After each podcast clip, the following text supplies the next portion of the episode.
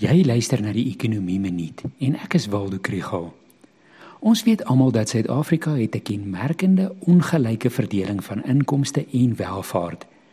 'n Onlangse verslag deur die Wêreldbank het die oorsake van ongelykheid ondersoek. Ongeveer 20% van ongelykheid word verklaar deur die omstandighede waarin jy gebore word. Jou geslag, ouderdom, waar jy is en jou ouers se agtergrond speel 'n rol wanneer ras ook in ag geneem word, verklaar dit 'n bykomende 20%. Maar dan speel opleiding, of jy 'n werk het en of jy produktiewe bates besit, ook 'n rol. Die aanbevelings is dat sosiale besteding meer effektief moet wees en dat toelae beter geteken moet word om die mees kwesbare mense te help. Juis omdat die verdeling van inkomste so ongelyk is, is die belastingbasis wat moet betaal vir die herverdelingsbeleid baie smal. Persoonlike inkomstebelasting dra 40% van die regering se belastinginkomste by.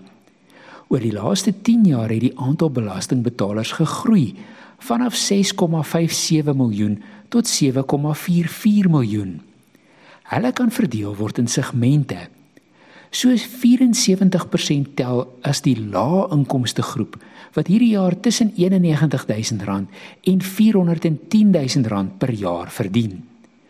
Dan maak die wat tussen R410000 en R950000 verdien, die middelgroep uit. En hulle is ongeveer 21% van belastingbetalers.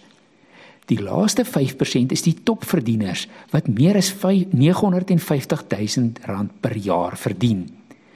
Hulle is dalk net 5% van die totale aantal belastingbetalers, maar hulle betaal 40% van die persoonlike inkomste belasting. En hierdie groep is besig om te krimp. Dit word toegeskryf aan immigrasie. Dit hou natuurlik 'n risiko in vir die belastinggaarder, maar die selfs groter probleem is die verlies aan vaardighede en ervaring. Die is 'n verlies aan produktiwiteit, mededingendheid en uiteindelik aan ekonomiese groei.